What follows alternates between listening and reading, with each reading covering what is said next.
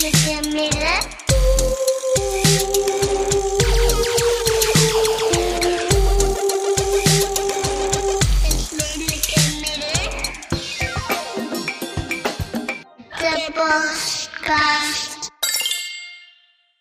bij het Redelijke Midden, de linkse podcast met minstens één luisteraar, onze toegewezen AIVD-surveillant.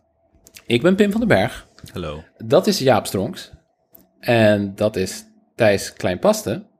Hey, hallo. Ehm, vandaag gaan we het hebben over twee eigenlijk gewoon luchtige dingetjes, maar wij worden er zelf vrolijk van.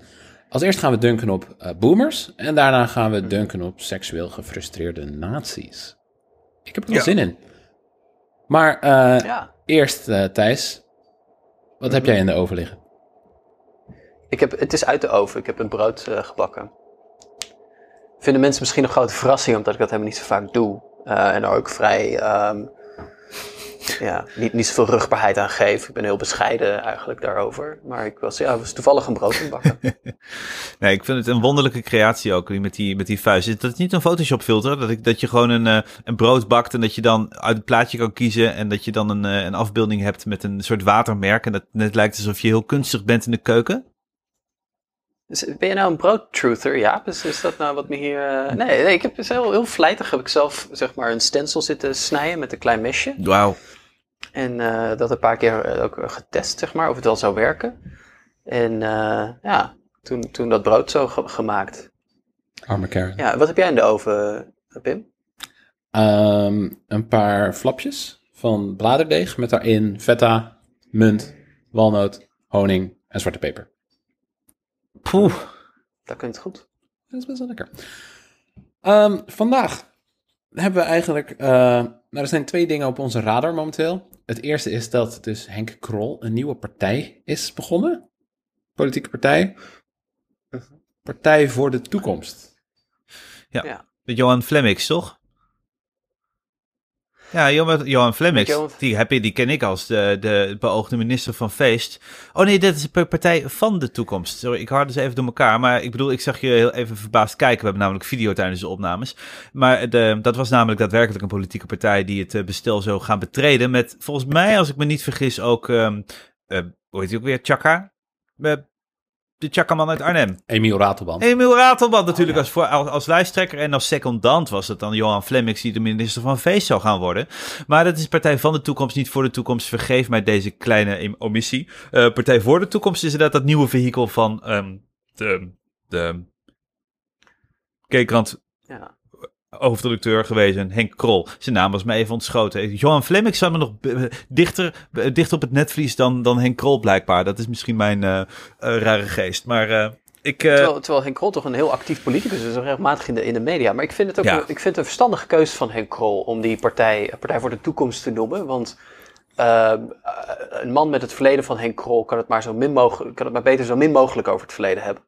Ehm, er zijn toch, eh, ik zat even zijn Wikipedia-pagina door te lezen. Er is een heel lemma over, zeg maar. eh, dat, is, dat heeft de mooie titel Opspraak.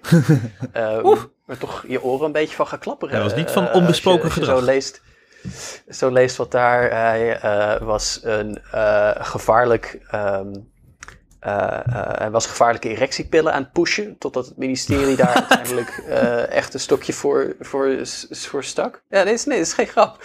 Ehm Eh, Maar Even, wie, wie koopt er nog eh, gevaarlijke erectiepillen? erectiemiddel. Wie, wie doet dat? Eh, Wat Eh, was, wat was de, het, eh, het onderscheidende kenmerk waarom, je, waarom mensen dat bij hem wilden kopen? Want ik bedoel, dat is sinds een tijdje heb je Viagra, eh, heb ik me laten vertellen.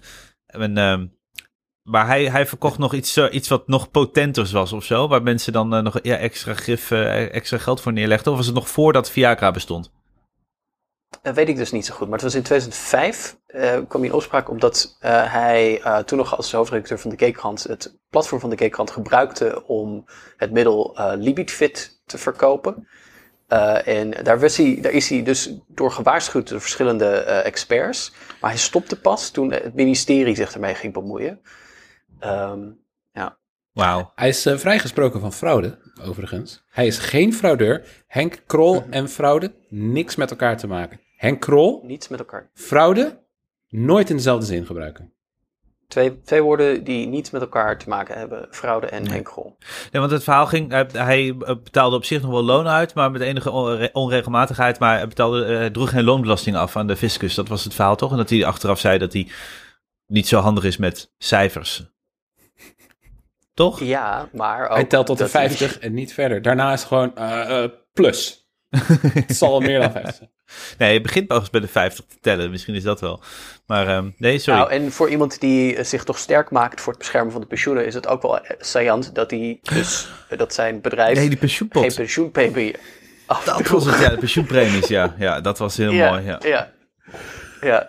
Kan ik, kan ik mijn lieveling, mag ik mijn lievelingszinnetje uit het, eh, uit het wiki-lemma van, ehm, van Henk Krol ehm, eh, voorlezen? Trakteer ons. Gaarne. Op 4 juni 2012 werd bekend dat Krol als lijsttrekker de oudere partij 50PLUS ging ondersteunen tijdens de Kamerverkiezingen van 2012. Al tijdens de verkiezingscampagne was hij gedwongen om het belangrijkste punt uit zijn programma in te trekken, dat de ouderen de laatste jaren het meest in koopkracht zouden hebben ingeleverd, bleek aantoonbaar onjuist. Oei. You had one job, zeg je dan. Nou ja, het is, het, is, het is toch wel de belichaming, denk ik, van het boomer, eh, boomerschap. Het, het boomer, boomerdom, het, Boomerheid. de, boom, de boomertijd.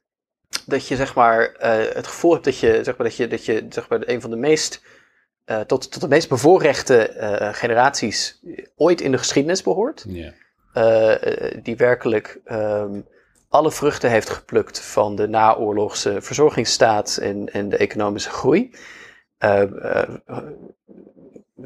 veel boomers die ooit voor weinig geld een kast van een huis hebben kunnen kopen, dat ze enorm in waarde hebben zien vermeerderen.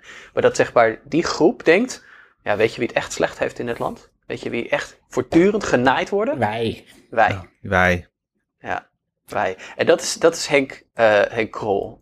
Dus hij is, hij is in die zin is hij echt een ultieme, ehm, ultieme, ultieme boomer. Dat hij ook dus zeg maar dan zo'n zo, zo'n verkiezingsprogramma heeft.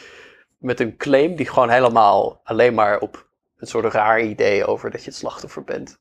Ja, want eh, het, het grappige is, iedereen denkt wel. Ik denk dat er geen groep is in Nederland die zich geen slachtofferrol heeft aangemeten. nou, dat is wel een hete naming. Kun je dat, eh, kun je dat even toe, toelichten? Nou, op zich, ik zeg niet dat het onterecht is, maar in sommige gevallen, bij, bij vooral bij boomers, kan het haast niet onterechter zijn. Maar eh, wat ik eigenlijk belangrijker vind om te weten is, eh ome Thijs, wat is een boomer eigenlijk? Ja, dat, dat is wel een goed, eh, goede vraag. Want ehm, ergens is een boomer iemand die in een bepaalde, bepaalde periode is geboren. In de geboortegolf na de ehm, Tweede Wereldoorlog. Maar boomer is ook meer volgens mij een soort. eh, Boomer is een state of mind. Je, je, zeg maar, iedereen heeft denk ik ook wel een innerlijke boomer. Ehm, en, en op een dag ga je het gevecht tegen de innerlijke boomer verliezen. En dan komt de innerlijke boomer, wordt de, de, de buitenlijke boomer, zeg maar. Dan, dan wordt die boomer, neemt, eh, neemt het over. En voor sommige mensen komt die dag heel vroeg, zeg maar, op een 21ste verjaardag of zo. En voor sommige mensen komt die, komt die dag heel laat. En er zijn zelfs mensen voor wie die dag nooit komt. Maar ehm, het, het boomerschap wacht ons, ons allen in de toekomst. Ehm, en ik denk dat het zaak is om daar op een soort waardige manier mee om te gaan. Dat we zeggen, dus precies op de omgekeerde manier als Henk Krol daarmee is omgegaan. Wat zijn de belangrijkste symptomen die ons kunnen waarschuwen dat dat, dat het, het nieuwe tijdperk voor ons persoonlijk dan eh, aantreedt? Waar moeten we op letten? Nou, ik zou zeggen, Nou, huizenbezit. Het zijn een beetje... Hm? Huizenbezit? Zeker meer dan één. Het komt ook met bepaalde hobby's. Die zijn soms een beetje regioafhankelijk. Bijvoorbeeld als je in de Verenigde Staten woont en op een gegeven moment krijg je een enorme, on- onaanvechtbare behoefte om heel veel eh, eh, golf te gaan spelen of te barbecuen. Dat zijn, dat zijn zeer ernstige symptomen van, het, eh, van, van, van late onset boomer, boomerdom. I just maar. want to grill for Ja. God's sakes. Ja, maar het is ook, het is ook een soort. Het is ook een soort sociologische eh, en politieke eh, houding. Dus je hebt echt een teringhekel aan, aan, aan mensen die jonger zijn dan 45. Ehm, en je zult ook echt alles doen wat in je beperkte macht is om die generaties onder jou zo hard mogelijk naar beneden te trappen. Dus eh, het boomerdom komt ook met een bepaald stemgedrag. Ja. Uh, en dat stemgedrag wordt ingegeven door een diep verlangen om niet de werkelijkheid, de feiten van de wereld onder oog te komen, maar om te zwelgen in een soort slachtofferschap. Uh, het komt met een diep verlangen om uh, mensen die jonger zijn dan 45 voortdurend uit te schelden en te beschimpen om het feit dat ze geen huis hebben. Dat is namelijk grappig. Um, en om werkelijk elke economische en sociale sport die je had op de ladder, die je zelf hebt gebruikt, om die vervolgens uh, op je weg naar hoog onder te schijten met heel smerige vloeibare diarree, zodat alle generaties onder je uh, eigenlijk uitglijden en er vanaf vallen en dan de ladder in de fik te steken.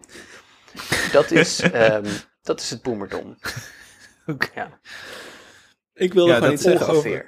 over- Maar ik heb er niet heel lang over nagedacht verder. Nee, Of zo. maar dat is, de, dat is ook de definitie volgens, eh, volgens Wikipedia, of niet? Is dat de Dit officiële? is ook wel de. eh, ja, dit is gewoon netjes eh, van Wikipedia. Ja, ja. Waar, waar zou ik het anders vandaan hebben? Ja. Nee, dat volgens Ik wil het gewoon hebben over, over, over Tweede Wereldoorlog trivia. Dat ze zo, zo ontzettend veel trek krijgen in, in ingekleurde documentaires over oude oorlogen. Oh ja, ja, ja. Een, een, een diepe interesse in de Tweede Wereldoorlog. Een onverklaarbaar diepe interesse. Ehm, Ja. Ik associeer boomerdom voornamelijk ook met een bepaalde eh verongelijkheid en een, het voortdurend ehm, op het punt staan om iets te zeggen van vermeend sociaal wangedrag of zo, maar dan in de lichtste vorm.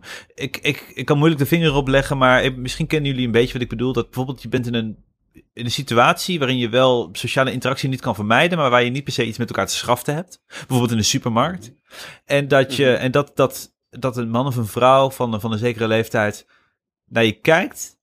En, en je voelt dat ze eigenlijk zin hebben om iets te zeggen van wat je aan het doen bent. Of dat je, je beur- Ja. het beurtbalkje van de kassa eigenlijk niet, eh, niet hebt neergelegd. Of dat wel had gemoeten. Of ehm, Ja, maar mensen die dat ook niet doen, die moeten tegen de muur. Dat terzijde. Ja, dat is waar. Dat is waar. Dus eh, eh, alle, alle begrip op zich voor een eh, ja, ergernis in die situaties. En ja, het is. Ik, ik associeer het vooral ook gewoon met dat. dat ze, oh, het is echt de grootste mazzelpikken van, in, in de geschiedenis van de mensheid, volgens mij. Dat zeg maar de, de grootste investeringen in, in volkshuisvesting en, en hypotheekrenteaftrek. En alles wat je zeg maar aan, aan, aan cadeautjes kan krijgen. Dat werd zeg maar in één generatie allemaal gestopt. En daarna weer ook weer gewoon allemaal afgeschaft. En dat gecombineerd met een verongelijkheid. Dat ze eigenlijk vinden dat ze nog wel wat meer hadden moeten hebben. En dat verder niemand moet zeuren. Dat eh, met een get off my lawn attitude waarmee de hele wereld tegemoet wordt getreden. En eh, dat eh, ja, doet voor, wat mij betreft niet verbazen dat, dat het een, een, een, van, ook van een van de meest eh, ook juist weer gehate generaties is eh, die eh, er zijn. Ik bedoel, aan de andere kant, ja. of is er nog meer, is er meer ergernis over millennials door andere generaties dan eh, over, over, over boomers, denken jullie? Wat is een beetje de meest... eh, Ja, het het zijn de generatie X'ers die uiteindelijk al die, eh, al die artikelen schrijven over... Oh, hoe millennials de avocado om zeep helpen. Of oh, hoe millennials geen juwelen meer kopen. Of oh, waarom millennials eh, de markt voor ruwe olie doen instorten. Weet je wel, dat soort ongein. Boomers weten niet hoe het internet werkt. Die schrijven dat niet. Ja, klopt. Nee, maar die zijn wel de, dat zijn wel zeg maar de mensen die dan, ehm, die zeg maar de redacteur, hoofdredacteur van dat soort media zijn. Dus Ja. ze zetten wel de artikelen uit. Ja, Rupert Die Murdoch bepalen ook de redactiecultuur. Die, die creëren een cul- cultuur waarin dat soort artikelen geschreven kunnen worden. Ja, ja en, en een, boomer is volgens mij iemand die op het moment dat hij ehm, dat hij eh, eh, een, een, een- blikje smaakjeswater ziet, eh, de on, ononderdrukbare behoefte voelt om te schreeuwen, vaak tegen niemand in het bijzonder, dat zij vroeger uit de tuinslang dronken. Ehm, en een millennial is iemand die denkt, ik heb niet eens een tuin. Dus dat is, eh, maar dat snappen boomers niet. Want boomers die leven kennelijk in de veronderstelling dat omdat we een smartphone hebben, dat is namelijk een stuk, stuk technologie die ze zelf niet begrijpen, is een soort onverklaarbaar ding voor ze. En ze zijn kennelijk ook van, van eh, ze zijn er kennelijk ook van overtuigd dat die dingen eh, extreem kostbaar zijn. En, en, en dat het feit dat je een smartphone bezit wel moet betekenen dat je het verder ook, eh, dat je verder ook zeg maar net zoals hen heel veel spaargeld op de bank hebt en een tweede hypotheek en een, en een grote auto. Ja. Ehm, en ze krijgen het gewoon in die kopjes niet helemaal bij elkaar, dat daar helemaal geen relatie tussen, tussen zit. Ja, ik weet niet hoor, Thijs, dat klinkt een beetje als een Amerikaans stereotype. Want als ik hier door een willekeurige woonwijk loop, langs de doorzonwoningen, dan zie ik mensen op de bank naar, weet ik veel, Fox Sports kijken, met een iPad op hun schoot. Oh. Ja, of met een smartphone, maar er is een belangrijker en iets, iets subtieler verschil, namelijk de, de, de boomers zijn degene die het apparaat in hun linkerhand vasthouden en met de rechterhand eh, met een wijsvinger op de toetsjes eh, drukken, of vice versa wanneer het linkshandige eh, personen betreft, waar de non-boomers in staat zijn om een, het apparaat met één hand te bedienen en, met, en de duim te gebruiken, en zodat je in de andere hand bijvoorbeeld wat borrelnootjes uit een, uit een aarde of een stenen bakje kan, kan grabbelen en die in je mond kan proppen. Dus dat is denk ik het, het grote verschil ook. Dat we misschien, eh, ik denk dat we daar misschien nog iets dieper in moeten duiken. Eh, want het is, dat, er zitten natuurlijk heel veel, heel veel lagen. Het is een ui die, eh, die met, met, met een rok en, en, en vele afpilbare lagen daar dan weer onder. Maar dat is denk ik een goed startpunt. Wat is, maar wat nou, we moeten even terug naar zeg maar meer een, een soort ja, werkbare definitie van de boomer. Want op zich, we hebben allerlei fenomenen die we met het boomerschap associëren nu wel ehm, besproken. Maar er moet, er moet nog even een soort sociologie van, van de boomer worden, Hmm. worden vastgesteld. Dus, maar laten we even, laten we bijvoorbeeld een casus nemen, zoals dan Henk Krol. Ik denk wat dat hem ook echt een boomer maakt, is dat hij er overal waar hij is, eh, is er kennelijk ruzie. Maar het ligt altijd aan anderen. Ehm, dat, volgens mij is dat een belangrijk belangrijke bouwsteen in, het, eh, in, in wat een boomer maakt. Ja, en, en, ons ook en, boomers maken. Sorry, ga verder, Jaap. Oeh. Nee, maar de, de, het ligt eraan. Ik bedoel, als er ruzie wordt eh, gevoerd door ook, ook mailtjes en brieven te tikken, waarin eh, de, gewoon de, de afkeuring wordt afgesproken, eh, wordt uitgesproken over eh, dat, dat, dat, dat de andere persoon kennelijk zo, la, zo diep is gezonken dat het eh, ehm, lijkt op, ehm, op ehm, eh, laster. En eh, dat er onwaarheden worden verkondigd. En dat, het, eh, dat ik ni- eh, niet had verwacht dat, dat degene zo eh, tot zulke eh, onpeilbare diepte zou kunnen zinken. En afsluiten met goedenavond. Dat is, dat is denk ik een teken van een, ehm, van een, van, van de manier waarop de ruzie wordt eh, eh, gevoerd. Is misschien meer cultureel-antropologisch veldwerk, dat daar een soort tekstexegese of een, in ieder geval een kwalitatieve inhoudsanalyse aan te pas komt om, te, om, om de culturele waarden te analyseren die, die gedestilleerd kunnen worden uit de teksten die eh, gede- gedebuteerd worden. Ik heb echt gewoon echt eh, eh, een half vak culturele antropologie gevolgd, dus ik, ik, ik, hoop dat het een beetje klopt wat ik hier lul. Maar dat is in ieder geval, dat is namelijk de, een, een, een geparafraseerd wat partijvoorzitter Dales aan zijn partijgenoten mailde. Die wil ook echt gewoon eh, het zinken en gewoon zoveel mogelijk mensen gewoon meesleuren naar de, diepte van, van het, het, ehm, het, het, vijvertje waar hij eh, eh, woont. Waarschijnlijk in, ehm, ergens in Noord-Holland aan een plasje. Iedereen heeft het vertrouwen in hem opgezegd. En hij blijft boze mailtjes typen waarin hij iedereen eh voor rotte vis uitmaakt. Maar van, op dat soort van nette, maar heel eh, toch passief-agressieve of juist agressieve toontje. Met dan goedenavond. En dan dat lekt dan weer en dan mogen we allemaal van smullen. Dat is wel, denk ik, de manier waarop die ruzie gevoerd wordt, is denk ik exemplarisch voor het boemerschap. Hmm. Ja, ja, dat vind ik wel een, vind ik wel een goeie. Ja, daar, daar kan ik wel wat mee. Dat, die, die bouwsteen moet ook in onze, in onze theorie van de boomer. Maar jij hebt een denk- sociologische analyse. Kun jij daar eh, iets, iets, iets naders over zeggen? Over de stratosfeer of de andere, andere, andere zaak? Ja, ik zat nog te denken, volgens mij is ook zeg maar een, ehm,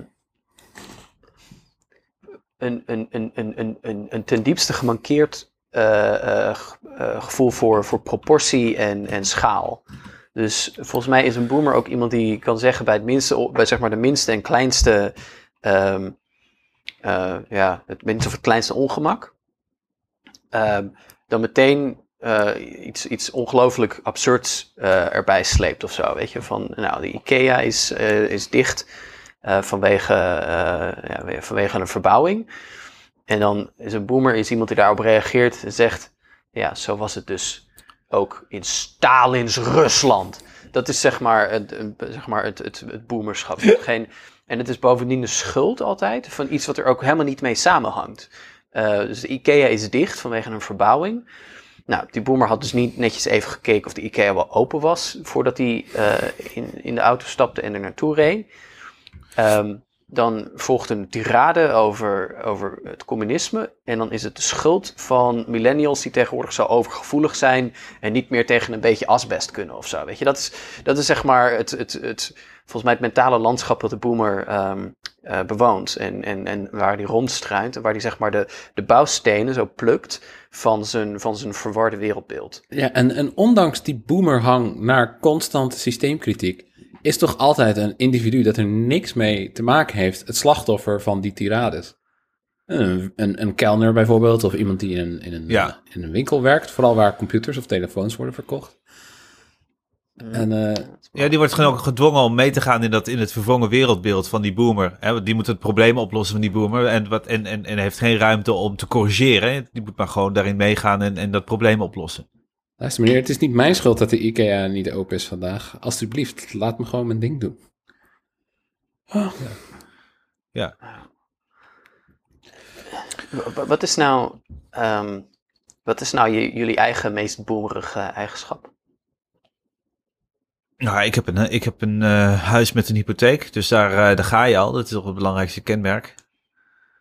Dus ehm, ja, dat, ik bedoel, dan begeef ik me daarmee al gelijk in de, in de gevarenzone om eh, eh, aanvullende boomer karakteristieken te vertonen, vrees ik. Maar ik paas eh, deze... riskanten. Ja, dus er is gewoon. maar Ik paas me dan eventjes door eh, aan Pim. Dan ga ik Ja, even ik, nadenken over aanvullende kwaliteiten. Ik luister naar classic rock en soft rock. Ik ben groot fan van de Eagles en Tom Petty. I know. Dat niet alleen. Ik kolk natuurlijk ook van witte mannelijke woede als iemand mij tegenspreekt. En eh, ik ben ook al 32. Oh god, jezus. Ben jij nog maar, ben ben jij nog maar 32? Ja. Nee, dan snap ik dat het nog bij jou nog niet zo erg is. Want ik, ik heb de volgende al bedacht. Maar we zijn eerst aan de beurt van... eh eerst is Thijs aan de beurt. Thuis. Ehm, ik, denk, ik denk bij een absolute wansmaak voor eh, koffiemokken. Dat is mijn meest boomerige eigenschap. Bedoel, wat voor koffiemokken Sowieso. prefereer jij? Wat voor, waar drink jij je koffie uit? Ja, ik, ben, ik vind het leuk om, eh, om koffiemokken van zeg maar een een plek waar ik ben geweest of zo te, te, te hebben. Met zo'n reclameslogan Ehm, erop. Ja, bijvoorbeeld of zo. Ja. Ja. ja. Ik denk dat dat mijn meest boomerige eigenschap is. Ah, dat scheelt weer. Daar, daar, daar scoor ik gelukkig eh, anti-boomer punten. Want ik heb allemaal altijd van die, van die, van die, van die dubbelglazige, ronde eh, dingen die veel te duur zijn, die kapot laten vallen. Dus dan op, op, een gegeven moment dan drink ik het wel ergens anders uit. Tot ik denk van ik wil toch uit die dubbelglazige Bovina, weet ik veel hoe het heet, eh, glaasjes mijn, eh, mijn, mijn, mijn lattes drinken.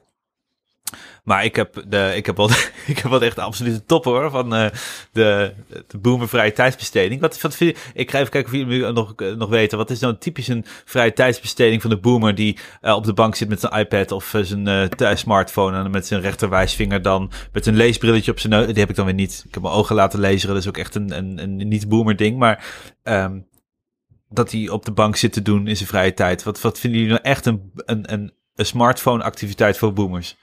Wordfeud. Candy Crush. Ja, precies. Nee, geen Candy Crush is niet voor mij. Wordfeud. Ja, ik doe het de laatste Ja, tijd, de laatste week even niet meer. Maar ik heb toch al een goede 700 potjes achter mijn naam. En een rating waar je gewoon, eh, eh, nou ja, waar je gewoon je mee kunt laten vertonen. Als je, eh, laten vertonen, waar je mee kunt vertonen in een, als er een soort van café zou zijn met andere Wordfeud mensen. Ja, het is heel slecht. Ik, eh, ik, ik, ik zie Pim hier zijn duimen naar beneden doen. Dat is, eh, is heel ernstig. Pim, Ja. Oh, jij? Jij bent wel aan de beurt. Oh, een boomer-eigenschap. Juist, dit gaan we allemaal, allemaal netjes knippen. Ehm, nou, wat, wat ik eigenlijk even kwijt wilde trouwens, dit, dit moet me van het hart, is dat... Ja, dit doet me heel erg pijn, is dat boomers hebben in, eh, een enorme capaciteit voor egoïsme. Inderdaad, zij hebben alles gekregen wat ons hartje begeert en proberen ons dat nu te misgunnen. En alles wat zij niet hebben, is vervolgens ook om een of andere reden onze schuld. Maar het, het meest wrang, het meest pijnlijke vind ik nog wel, is dat zij niet eens dat leven van alleen maar vrede, geen oorlog hebben gehad. Want ook zij kampen nu met de Rona. Misschien kampen zij er nog wel meer mee dan wij. Jongere mensen. Met de Roni. En dat is... eh, dat doet me best wel pijn eigenlijk. Het is, ze hebben niet eens fatsoenlijk de vruchten kunnen plukken van al die ellende. Nee, misschien eh, worden we uiteindelijk allemaal wel een keer, eh, een keer gepakt. Maar ehm, ja, nou ja, het zijn toch wel vooral de... Dus ik denk dat er wel een redelijke groep boomers is die nog net de dans ontspringt hoor. Dat namelijk iedereen boven de 70 is wel echt exponentieel vaker de Sjaak als het gaat om de, om de Roon. Ehm, eh, maar de, net de, zeg maar de 65ers, die, ehm, ja toch mijn, eh, de generatie van mijn ouders... Eh, dat doet mij ook gelijk vervullen van gevoelens ik het ook zo heel erg gun, overigens, om de dans te ontspringen. Maar eh, ja, het ligt er eventjes aan. Kijk, ik bedoel, we zouden het niet over corona hebben, maar als die, als die groepsimmuniteit de strategie doorgang gaat vinden en we allemaal besmet gaan raken, dan, ja, ik moet het niet doen. Nee, maar ik bedoel, dan komen ze inderdaad natuurlijk wel, dan komen ze allemaal aan de beurt. Dan eh, heb ik, dan vrees ik met grote vrezen dat ze uiteindelijk toch na een, lange periode van, eh, van voorspoed het ondersput moeten delven. Ik denk, ik denk dat het ultieme boomergevoel is. ehm, dat je, dat je zeg maar je hele verklaringsmodel voor alles wat er mis is in de wereld. Dus dat je nog wel het vermogen hebt om bijvoorbeeld te identificeren dat er dingen niet goed gaan in de wereld. Dus het is niet dat je helemaal daarvan bent vervreemd. Maar je ziet dus nog wel van, ehm, nou ja, het gaat, eh, het gaat slecht met de economie. Of ehm, eh, er, is, er is klimaatverandering, of er is eh, politieke corruptie, of ja, wat dan ook. Maar dat zeg maar je hele verklaringsmodel daarvoor in feite neerkomt op. ehm, ja, vorige week keek een jong persoon me een beetje lelijk aan in de trein. En dat is nou typisch waardoor het allemaal eh, verkeerd gaat. Het is gewoon, die jonge generatie die heeft niet meer de normen en waarden. Ehm, dus zeg maar het hele, het hele idee dat je zeg maar wel dat je de eerste stap zet en dan vervolgens zegt en het is allemaal de schuld van, van jonge mensen. Dus, Uh, is en beetje dat is die, denk ik eh, ook waarom er in ons allemaal wel mogelijk een boomer is. Je moet altijd vechten tegen de boomer in jezelf om, om dit soort eh, verklaringen eh, te geven. Ik, ik was echt aan het luisteren trouwens net even nog naar een eh, oude speech. Het is een speech van een jaar oud van de voorzitter van de jongeren eh, Forum voor Democratie Jongeren, Jugend. Ehm, in hun, in, hun, in hun eigen taal. Ehm, maar ehm, die ook zeg maar, die begint een speech met van. Wij, wij kunnen geen huizen meer kopen. Heel, heel bizar, hallucinant. We kunnen geen huizen meer kopen. We worden opgezadeld met, we zijn opgezadeld met de schulden van de crisis. ja. In, eh, van de eurocrisis. Weet je, dat je een van ja, ja, goed, goed zo. Ja, netjes. En dan zegt, en dat is de schuld van de massamigratie. Dat is een bizar standpunt. Dus, zeg maar, dus dan, dan, ben je dus, ben je dus zeg maar nog geen 30, maar dan ben je wel al een boomer. ja.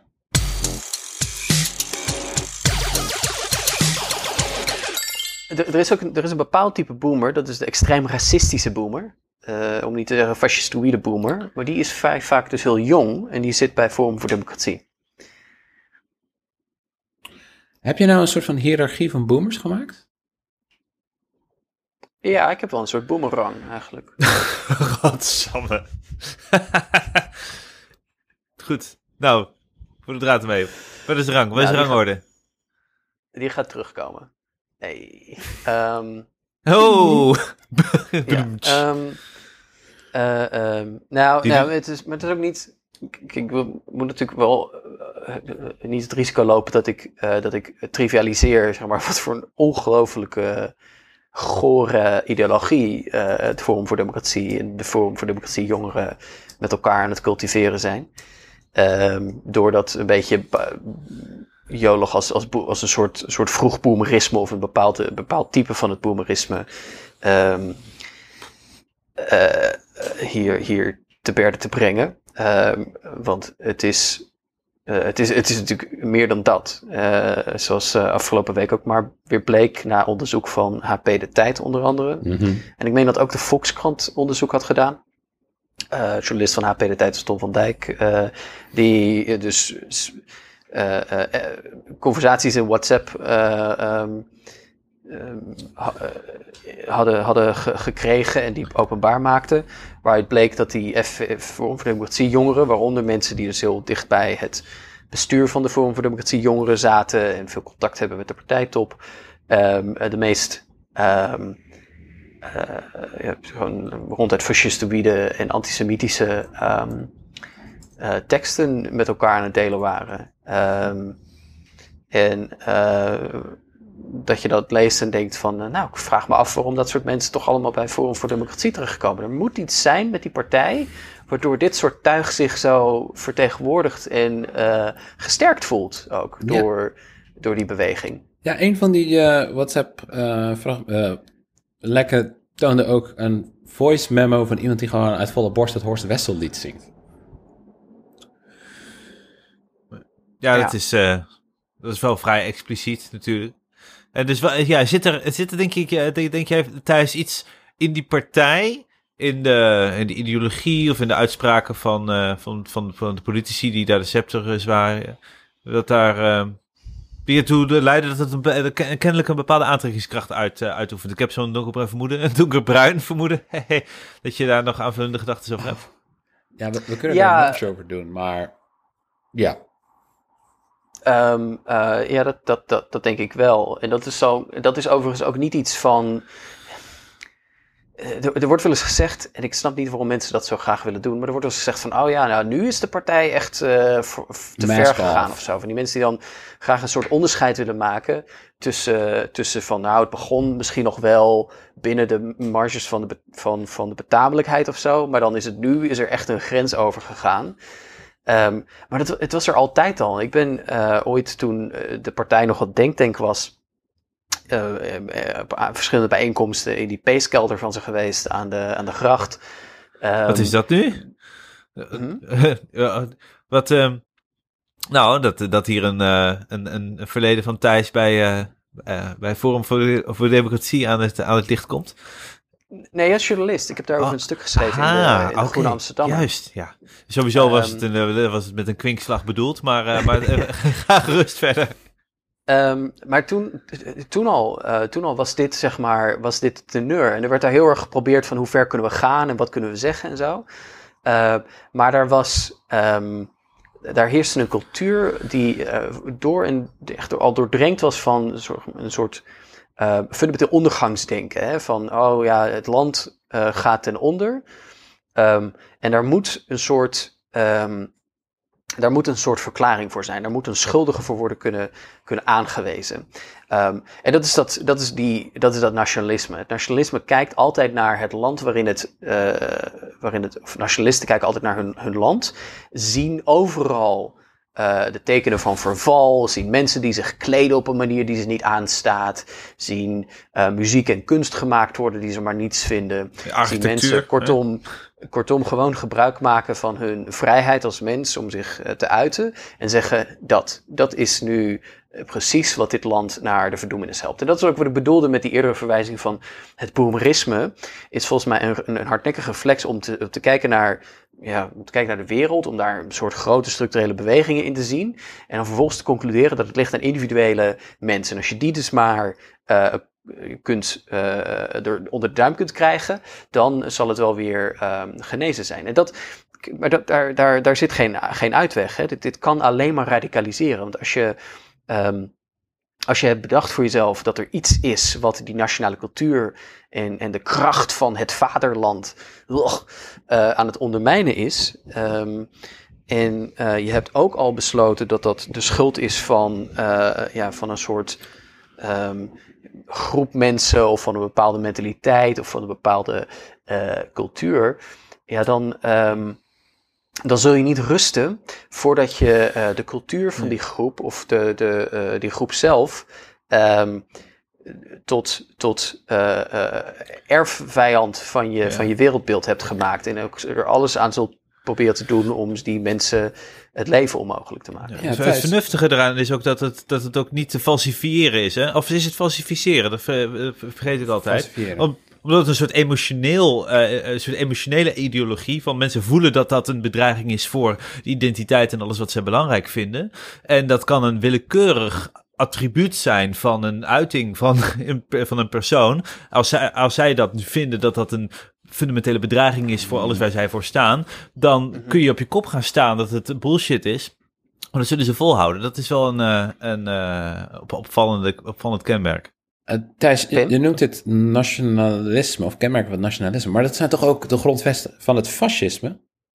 Een natie in verval, een imaginaire vijand. Ik, ik noem het nationalisme, ik denk om twee belangrijke redenen. Eén, het nationalisme is een veel kwaadaardigere ideologie dan, eh, dan, dan hoe die te boek staat. Hè.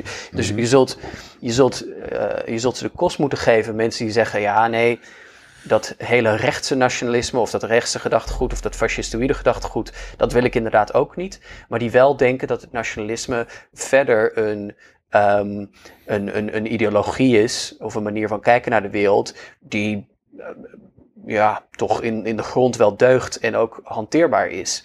Ehm, dat is wat mij betreft fundamenteel onjuist. En eh, door het, ehm, ik, ja, ik vind het pri- prima om, om, om ook te wijzen op de fascistoïde tendensen die in de vorm van democratie, voor democratie aanwezig zijn. Eh, want die zijn er ook. Hè? Die, die, die obsessie met strijd leveren bijvoorbeeld, die overal ehm, die ook bijvoorbeeld in zo'n speech hoort van, eh, van, die, van, die, van die jongere voorzitter. Kijk, dat, dat is. Ja, ja dat, dat begint toch een beetje op de filosofie van de actie eh, te, te, te lijken, de filosofie van de daad. Nou, dan kom je inderdaad in fascistoïde vaarwater. Ehm, maar de bron daarvan is nationalisme. En waarom is het nou zo belangrijk om dat, denk ik, goed te identificeren? Is omdat als je het ehm, fascisme noemt, dan denk ik, ja, dat, dat, dat is prima. Maar dan heb je denk ik ook heel veel mensen die denken, ja, fascisme nee, nationalisme ja. Maar er is, het het onderscheid tussen die twee is, is extreem fluïde. Ze komen uit elkaar voort. Ehm, en eh, ik vind ook dat belangrijk, de, de geschiedenis van het nationalisme is een extreem kwaadaardige geschiedenis, is een antisemitische geschiedenis in Europa Een koloniale ook. is een, is een koloniale geschiedenis. Is een geschiedenis geobsedeerd met interne vijanden. Eh, is een geschiedenis die altijd, ehm, altijd de interne vijand zeg maar, centraal staat. En daar vervolgens een soort cultuuroorlog eh, tegen begint. En, en het liefst politie afstuurt op zijn, op zijn vijanden. Dus, ehm, dus dat, ja, dat is waarom ik, waarom ik het ook nationalisme noem. Er is niets, maar ook niets beschaafd aan nationalisme. En oh ik heb ook echt een teringhekel aan, mensen, aan linkse mensen die denken dat er zoiets zou kunnen bestaan als links nationalisme. Het is fucking bullshit. Het nationalisme is een, is een democratievijandige ideologie die vrijheid haat en die alles haat waar linkse mensen voor zouden moeten staan. Ehm, nog een reden om geen Koningsdag te vieren, beste mensen. Ik ben nu een week te laat, maar... Ehm, Ik zat te denken, wel, waren er ook echt linkse partijen die, eh, die wel hebben gepleit voor zo'n positief nationalisme? Zo van, ah, er zitten wel wat goede, er zitten wel wat goede puntjes in. We zouden het nationalisme niet moeten overlaten. Was het niet ook Sini die dat, eh, daarvoor pleitte? Van dat je, dat je eh, de, de, bijvoorbeeld de trots op de driekleur en, en de kleur oranje en al die dingen die bij, het, bij de monarchie horen en bij en het Nederlands elftaal en zo allemaal wat symbolen bij elkaar geplukt. En dat je dat niet ehm, moet, moet overlaten aan, aan rechts, maar dat je daar de, de, de alle goede dingen boven moet houden om, eh, om zeg maar de kracht van om nationalisme voor je te laten werken. Eh, de- eh, Snappen jullie waar ik aan refereer? Volgens mij was, dat, was het onder meer Sinius Deal die dat eh, de afgelopen jaren een aantal keren heeft gedebuteerd. Of doet het geen Ja, rinkelen? Zini in, in, zijn, in zijn pamflet Nederland mijn vaderland. Die zegt in Nederland mijn vaderland. Oh, dat was het begint wel Ja. met een eh, sympathieke gedachte. Want een van de, een van de eh, one-liners uit het pamflet was... eh hè, ehm, ehm, eh, Zini-Usdeel is een Nederlandse naam. Hè, dat, is, dat was een van zijn belangrijke punten. En ook een, een zin die hij wel eens vaker heeft, heeft uitgesproken. Ja. Maar wat, wat op zich wel, denk ik, begint in een soort... eh, ja, sympathieke, min of meer sympathieke gedachte. Van de gedachte van, nou, je moet een politieke gemeenschap vormen met elkaar. En daar ehm, eh, moet iedereen in eh, worden geaccepteerd. Maar ik denk dat de fout van het nationalisme elders, van dat soort pleidooien elders ligt. Dat is namelijk niet in, ehm, in de gedachte dat. ehm, het is- het is in de gedachte dat je, dat, je, dat je dus dat Nederlanderschap op een bepaalde manier moet definiëren. Op het moment dat je begint al met de natie definiëren, dan heb je, eh, heb je de deur opengezet naar heel enge en heel beperkte interpretaties van, dat, van, van die natie en voor uitsluiting. Ja. Dat, is, dat heb je meteen gedaan. je En creëert dus heb je het eh, eigenlijk al en een verloren. Maar maar het is echt onbestaanbaar. Want het, het is de SP, het is de PvdA die daar heeft mee zitten flirten in de afgelopen jaren. Er, zijn, er, zijn, er, zijn, er, zijn, er zijn tal van zich links noemende politici die zeggen... ja, er moet een links nationalisme zijn. Fuck you, oprotten ermee. Oh, dat eh, Nationaal Museum, eh, dat is het ideetjes die de SP eh, eh, eh, daarmee Ja. heeft lopen floten. Dat zijn ook voordelen die daarbij passen, of niet? Ja, maar ja, goed, zo'n Nationaal Museum is dan weer hoe je het invult. Ehm, Nee, het ging me ook om de manier waarop ze het leken te willen invullen, dat daar een beetje aan, eh, eh, aan, aan, aan leek te raken, zeg maar. Ja, precies. Ja, ja, want dat was dan inderdaad, dat was dus niet een, dat was dan niet echt een museum waarin je leert over de geschiedenis, maar dat was meer een plek waar je dan propaganda krijgt toegediend over de geschiedenis. Precies. ja. Zoals Marlies al grapte, eh, de SP mag gewoon doorgaan zoals ze willen, maar dan moet het woord dan wel de nationale gaan zingen. Hey, ja. Hey. Ehm, maar goed, ja. Ja, het is ook eh, het moment inderdaad dat je eh, jezelf gaat beschouwen als een natie. Dan bepaal je ook hoe mensen binnen die natie zich eh, tot elkaar verbonden voelen. Dat noemt Jeremy Gilbert volgens mij Leviathan logic. Je voelt je niet Ja. verbonden onderling omdat je gewoon, weet ik veel, eh, hetzelfde eh, lot in leven hebt. Maar omdat je eigenlijk onder het gezag valt van dezelfde leider. Volgens mij wat mensen die, die denken dat, dat je zeg maar nationalisme kunt, kunt temmen of voor een soort progressief doel kunt inzetten, de vergissing die ze maken, ik heb daar een gloeilampmetafoor voor. Ehm, eh, een gloeilamp geeft licht en produceert restwarmte. Dus dus een, eh, een gloeilamp, je, je, je, je, doet daar elektriciteit door en de restwarmte is, eh, wordt, wordt ook bij geproduceerd. Maar het is niet de primaire taak van, ehm, van, van, van de lamp. Dat is namelijk licht geven. En volgens mij kun je het gevoel van gemeenschap en identiteit kun je beschouwen als de restwarmte van een gloeilamp. Dat is namelijk dat is een, een, een soort gemeenschap, gemeenschapsgevoel en identiteit en, en groepsgevoel. Dat komt eh, vrij op het moment dat je bezig bent met een andere activiteit. Dus stel dat jij op met klassenstrijd bezig bent of dat je eh, in een vakbond zit samen en je eh, neemt het samen op tegen, het, tegen de leiding van het bedrijf waar je, waar je werkt om een beter salaris te krijgen, dan is dat groepsgevoel is een bijkomstig effect van het feit dat je je hebt georganiseerd rondom een economisch belang. En linkse mensen die zeggen je moet iets met nationalisme maken de fout door te zeggen, hey, hier is groepsgevoel, dat willen wij ook. Dus moeten we nu dit gaan kunstmatig gaan recreëren en dan beginnen bij de warmte en vervolgens gefrustreerd raken dat er geen licht vrijkomt. Dat is, dat is, de, eh, dat is de vergissing die linkse, linkse mensen maken.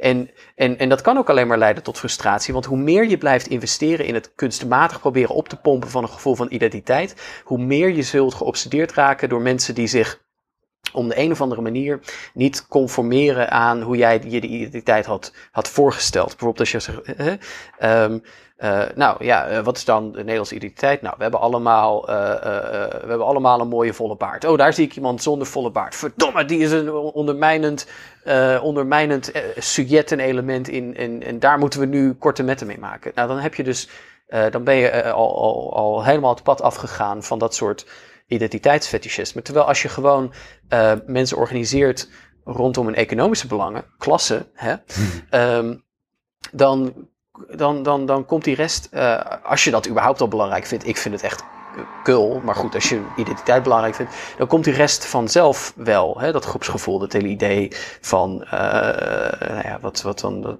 Nederland mijn vaderland, of hoe je het ook wil noemen. Ehm, maar hoe meer je het kunstmatig gaat proberen op te wekken, hoe gefrustreerder je zult raken. En dan creëer je dus de omstandigheden waar je eh, Forum voor Democratie types in krijgt. Die, die, die, dus die, eh, dat denken tot een logische conclusie brengen en zeggen, het is de schuld van die interne vijanden. Ja, dan kom je ook eh, dicht in de buurt van een van de grote ironieën van ehm, de nationale identiteit en ook sowieso het fascisme. Is die hebben zo'n ontzettende obsessie natuurlijk met wat de natie zou zijn, dat ze die constant moeten bevestigen met rituelen. Dus dat hebben wij met Koningsdag en met het Oranje en dergelijke.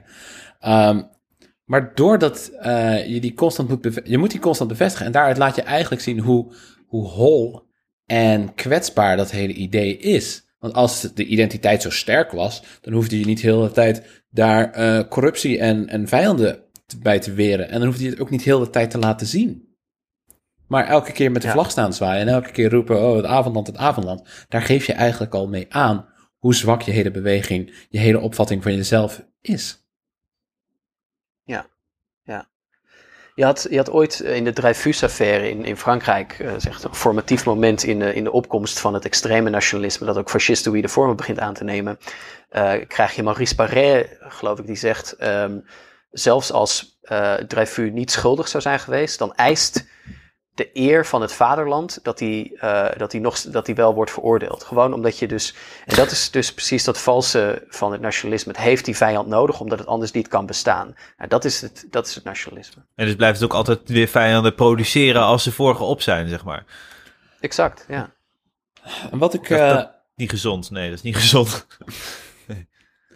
Maar Zeg er is dus het eh, idee om een of andere reden ontstaan dat eh, die nationalistische ideeën van Forum om een of andere reden niet vanzelfsprekend leiden tot wat de jonge FVD'ers eh uitspreken de laatste tijd. En niet alleen in hun apps, maar ook op Twitter eh, klappen ze een beetje te veel uit de school. En ik, ik weet ook niet. Het, omdat ze jong zijn, hebben ze waarschijnlijk een sterk idealisme en zo. En missen ze waarschijnlijk het historisch perspectief of eh, het hormonale evenwicht, denk ik, om gewoon netjes het racisme voor je te houden. Maar wat is dan toch de reden dat het nationalisme, of tenminste het sprookje nationalisme, het omslaat in het sprookje fascisme? En dat dat nu op straat komt te liggen?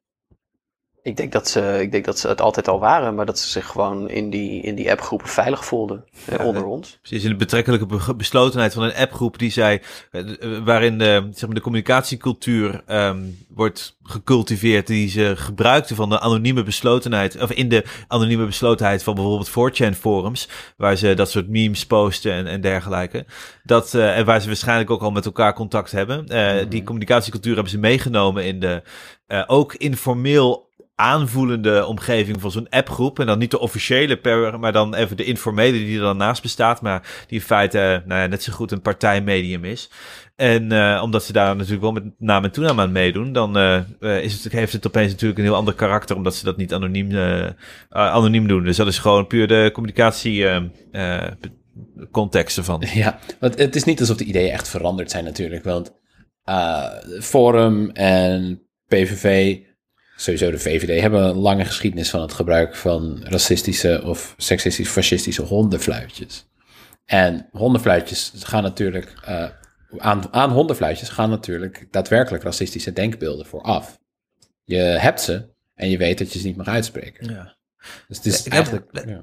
Daar heb ik wel een vraag over. Misschien dat jullie dat weten. Kijk, dat hondenfluitje is natuurlijk vooral een fenomeen omdat, de, omdat we natuurlijk leven met, de, met, met, met het besef van de geschiedenis van de Tweede Wereldoorlog, waardoor expliciet racisme eh, taboe is, zelfs onder racisten. Racisme, ja. Eh, ehm, eh, eh, zodat je hondenfluitjes nodig hebt om duidelijk te maken wat je bedoelt, zodat je niet erop aangesproken kan worden en een soort plausible deniability hebt. Even Dus duidelijk, voor je- duidelijkheid trouwens, een hondenfluitje is een fluitje dat alleen een select groepje kan horen. Dus gewoon de hond hoort wel de fluit, maar de mens niet. En dat is dus een uitspraak die bedoeld is als, eh, laten we zeggen, racistisch voor de mensen die hem begrijpen. En voor de mensen die dat niet van tevoren weten, tegen hen zou je eh, kunnen doen alsof het Ja. een onbeduidende uitspraak was. Ja. Bijvoorbeeld Eh, het bijvoorbeeld het-.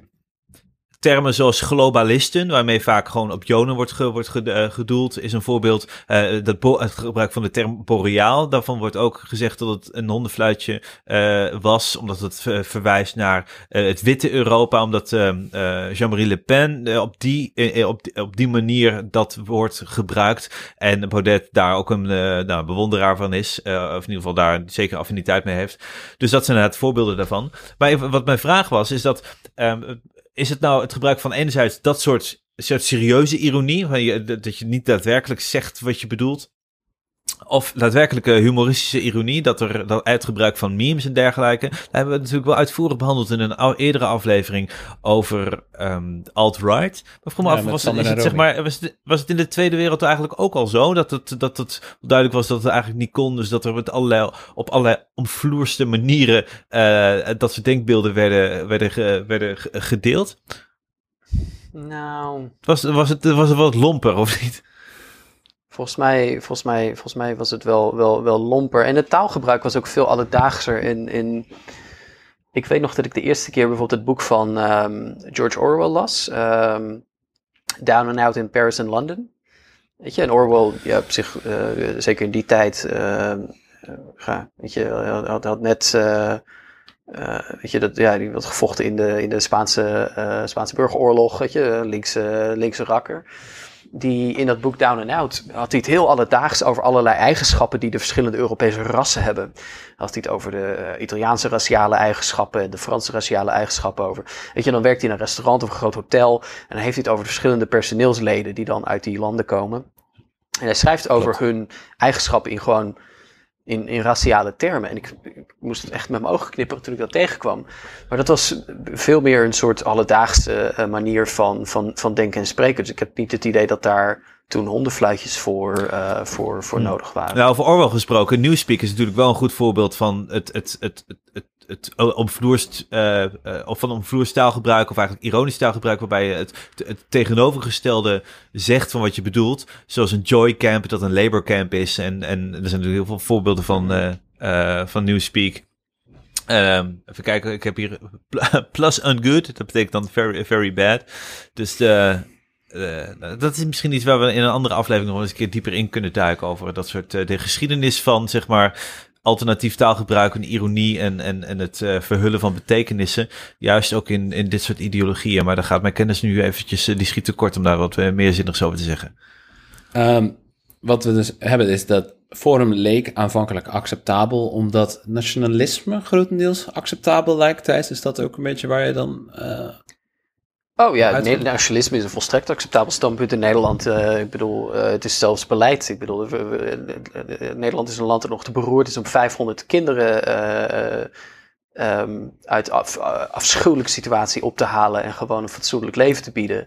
Ehm, en dat zijn dan de middenpartijen hè, die, die, dat, die dat standpunt, eh, standpunt hebben. Dus ja, op zich, het nationalisme is een van de meest geaccepteerde ideologieën in Nederland. eh, zeker, zeker op dit moment. Ik denk dat het andere element is, is zeg maar dat Henk Bleker syndroom, die eh, drie dagen geleden in de krant zei dat er allemaal nette mensen bij Forum voor Democratie zit. Dat het hele idee dat als je, ja, dat je zeg maar als je maar een pak aantrekt, en je schoenen poetst en met twee woorden spreekt, dat je een net persoon bent. Ehm, eh, en en, en, en eh, eh, dat, dat, dat, dat, is, dat is dan kennelijk genoeg basis om, om zeg maar binnen. ehm, om geaccepteerd te worden binnen de, binnen de bredere politieke en sociale en culturele elite van, van, van, van Nederland. vooral als je wit bent Ehm, natuurlijk.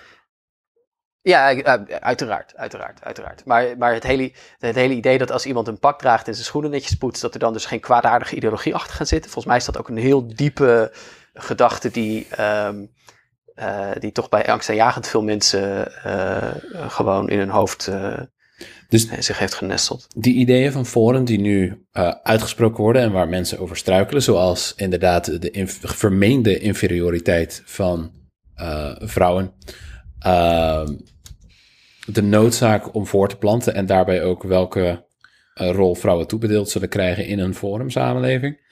Ehm, problemen die natuurlijk veroorzaakt zouden worden door mensen van kleur vanwege, eh, vanwege de eigenschappen die ze zogenaamd fundamenteel zouden bezitten. Dat zijn dus kenmerken die ook enigszins vertegenwoordigd zijn in het nationalisme aan zich. Ja, ja absoluut. En het feit dat Forum eh, zogenaamd een degelijke partij is met een man met een piano en een lavendelzakje en een, een oude lul, eh, die graag een boekje leest bij de strandtent, geeft het ook een soort van acceptabel gezicht. En moeten we er niet ineens gek van opkijken dat Forum, oh oeps, toch een enorme natiepartij blijkt te zijn. Maar nazi's beginnen niet met het dragen van uniform. Eh, dat komt pas na een verloop van tijd. En tot, die, en tot dat moment spreken ze met twee woorden en doen ze alsof ze nette mensen zijn. Maar geeft ze absoluut geen centimeter ruimte meer. Het lelijke midden. En eh, dan tot besluit rest ons eh, weinig anders dan eh, de vaste rubriek terug te laten keren. wat is het redelijke midden van deze week? En het redelijke midden van deze week volgens eh, Thijs is... Thijs, zeg het eens. Eh, het redelijke midden van deze week is dat eh, we het eens zijn met Henk Bleker dat er eigenlijk helemaal niet zoveel verschil zit tussen het CDA en Forum voor Democratie. Maar het betekent niet wat hij denkt. Ik hoorde het eerste stukje niet, dus ik, eh, in de uitzending zal ik wel horen wat er daadwerkelijk Gewoon lachen, is. gewoon lachen, ja. Oh, jij Thijs. Jij boef. En het redelijke midden van deze week voor Pim. Ja, deze heb ik gehad van Britta uit de Discord. Het redelijk midden van deze week is dat als de monarchie echt niet afgeschaft wordt, dat het dan niet meer dan eerlijk is aan iedereen die in Nederland woont van adel te maken en een paar miljoen per jaar toe te stoppen. En dat geld verhalen we dan wel uit het dividend van, eh, van Shell, van de Oranjes. Lijkt me niet meer dan fair. Ja. Een redelijk standpunt. Ik heb nog één vraagje eigenlijk. Dit hoeft niet per se Oh. een aflevering. Nou, Jonge Forum eh, wilde dus, pleitte dus in hun eh, WhatsApp-gesprekken voor een 95% blank Nederland en 0% moslims. Wat is die laatste 5%? Eh, Dat, dat, dat klinkt alsof het er een, een, een compromis is. Dat er nou waarschijnlijk. ik, mijn, mijn, donkerbruine vermoeden is dat er eh forumers. dat mensen lid zijn van Forum. Die mensen. Dat er mensen van kleur tussen zitten. En dat daardoor. Maar dat, dat, eh, dat het geen moslims zijn. Dus dat daardoor. eh, en dat dat natuurlijk wel tot voordeel strekt. Tenminste, dat ze dat als voordelig zien. Dat er eh, mensen van kleur. zich in de gelederen bevinden. Omdat ze daarmee natuurlijk ook, direct een air van legitimiteit. Van inclusiviteit kunnen, kunnen claimen. En dat daardoor dat standpunt, zeg maar, als vanzelf zich zo heeft gevormd dat er een, ja, een 5% restcategorie is overgebleven. Die 95% is eigenlijk het JFVD-equivalent van het redelijke midden. Ja, ja, dat is hun redelijke midden. Van kijk, als we ons redelijk zijn. Eh, we, zijn we hebben, hebben niks tegen mensen van kleur, behalve dan moslims. Want er, eh, er mag een soort van 5% eh, max zich nog in binnen onze landsgrenzen ophouden. Nou, dat, dat vinden ze waarschijnlijk heel, heel billig van zichzelf. En daarmee komt het redelijke midden van deze week eh, tot zijn besluit. Je kunt het redelijke midden volgen op hetredelijkemidden.nl. Eh we zijn mailbaar op uh, hetredelijkemidden.gmail.com. Op Twitter zijn we te vinden op uh, het redelijke midden. Dus zonder het, maar de uh, verwijst naar de apenstaart, het redelijke midden. Uh, we zijn natuurlijk te abonneerbaar en ook te raten. Raten kan in ieder geval in, in die podcast app en misschien op andere plekken ook nog wel. Ik weet niet of dat in Spotify kan, maar we zijn een beetje tegen Spotify eigenlijk. Tegen uh, wel meer dingen. Maar uh, rate ons toch maar als u ons daar aantreft. En uh, de show notes vindt u in de begeleidende uh, podcast en uh, ook op de website. En we zijn te vinden op uh, Jaap Strongs, ben ik zelf. En vooral ook het PVD En het Kleinpaste Thijs is uh, Thijs op, uh, op Twitter. Dat ging weer ontzettend vloeiend. Zei ik het goed? Heb ik fouten gemaakt? Nee, het is goed. Mooi, dan zijn we klaar. Tot de volgende keer. En nu naar de kroeg. En dan nu naar de kroeg.